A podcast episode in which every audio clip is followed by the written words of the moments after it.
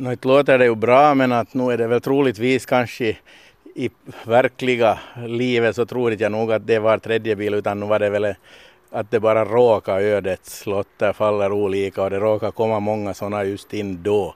Att inte tror att det är så där illa i verkligheten, det tror inte jag. Även Magnus Lindgren är inne på samma linje.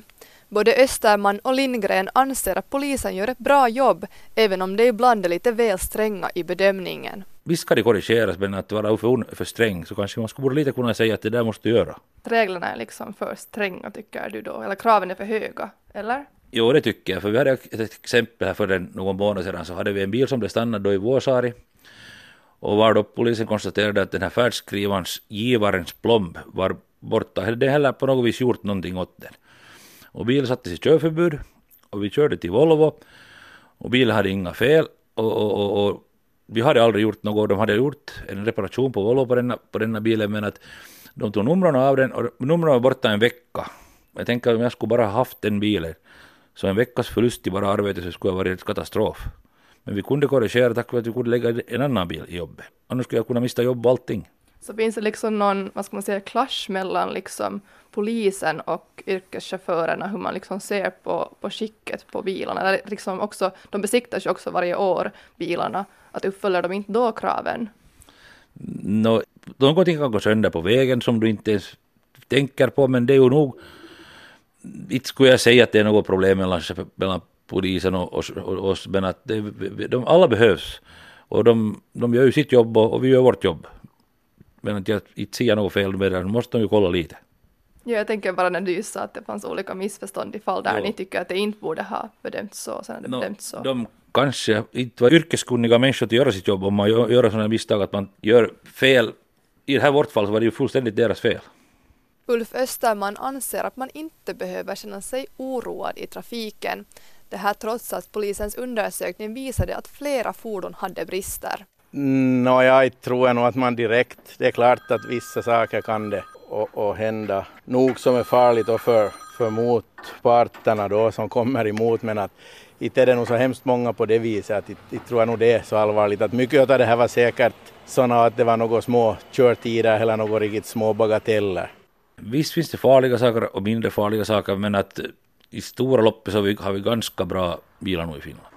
Det säger alltså Magnus Lindgren som äger ett transportföretag i Tenua.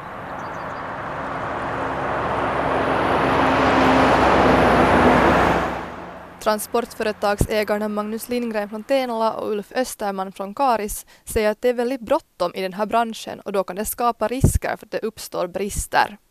Så här säger Magnus Lindgren om trycket från industrin. Vi alla behöver våra varor så fort som möjligt och det, det, är det som gör att det blir panik och alla ringer och du ska vara exakt här och där och, och det blir, det blir det är det stressen kanske det som gör att det blir brister.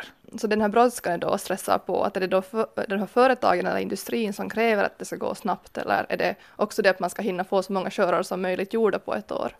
No, kanske också det här att man ska få så mycket som möjligt gjort men ofta är det nog så också att, att industrin så, så har nog så stram tidtabell att, att de, de är sent med sitt gods färdigt och sen för att mottagaren då ska få sitt gods i tid fram så ska vi spänna den där tidtabellen. Vi är den där hajdan däremellan som ska göra att det går, det fungerar. Ulf Österman tror precis som Magnus Lindgren att brister kan uppstå i brådska. Österman tror också att dåliga ersättningar spelar in. Han menar att priserna har pressats ner av utländska chaufförer. De pressar ner priserna till nästan under lönsamhetsgränsen och vår industri och speditioner så är direkt och nappar på krokarna och utnyttjar allt det där och det betyder att det är pengarna som är och brådskan.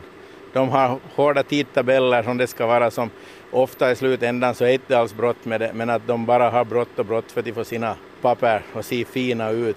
Allt hjälper till för att det blir sämre på alla sätt, både skötseln och servicen åt bilen tack vare att pengarna inte finns och lönsamheten inte finns. Så borde industrin ta mer ansvar för att se till att, tra att transporterna är säkra? Det borde de. Och de borde liksom, det finns ju redan idag ett sånt här beställaransvar.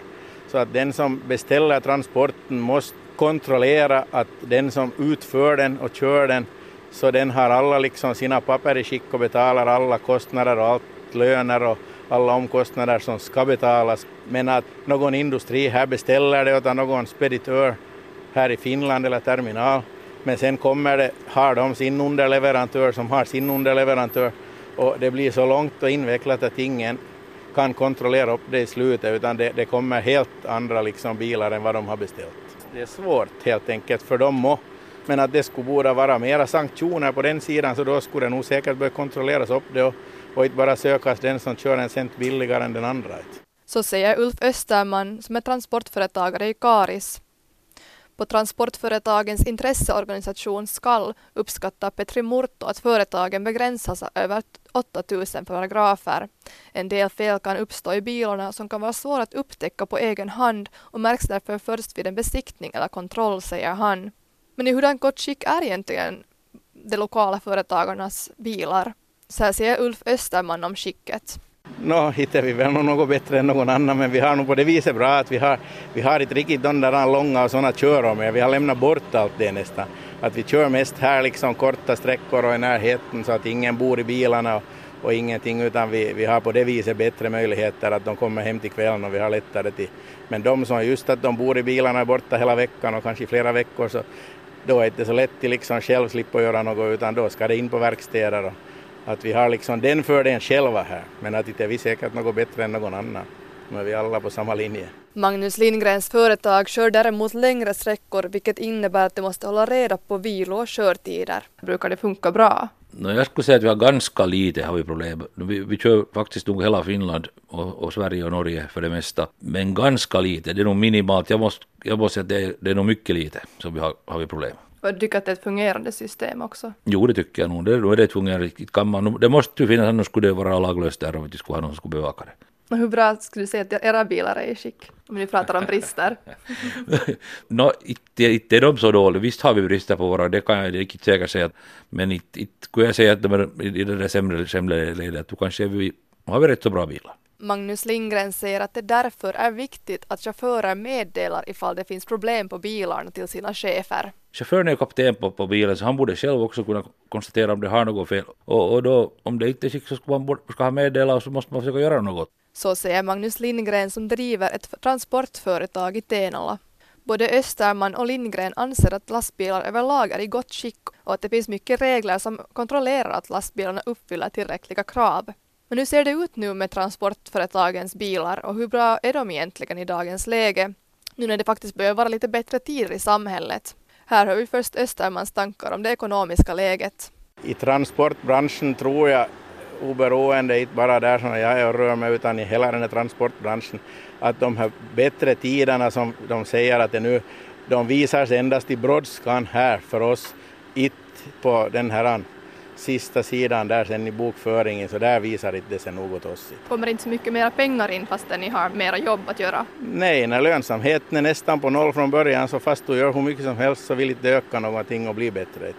Det finns mera jobb och, och, och man har kunnat avlöna flera människor och jag tycker det är jättepositivt. Vi har kunnat förnya vår park en, en hel del på sista åren och det är tack vare att det är bättre tider vi har, vi har, vågat satsa mer ska vi säga. Så du skulle inte säga ändå att industrin betalar för lite? Det var lite sån här kritik från en annan som jag pratade med. Aldrig får man väl tillräckligt, men, men alla ska vi leva, det är ju det som är det viktigaste. Jag tycker att våra arbetsgivare, vi har nog ganska bra, bra koll på det, inte vet jag om de betalar för bra eller för dåligt, men att de ser nog till att vi också klarar oss. Vi kan också anställa folk och vi kan betala åt dem och, och att alla mår någorlunda bra.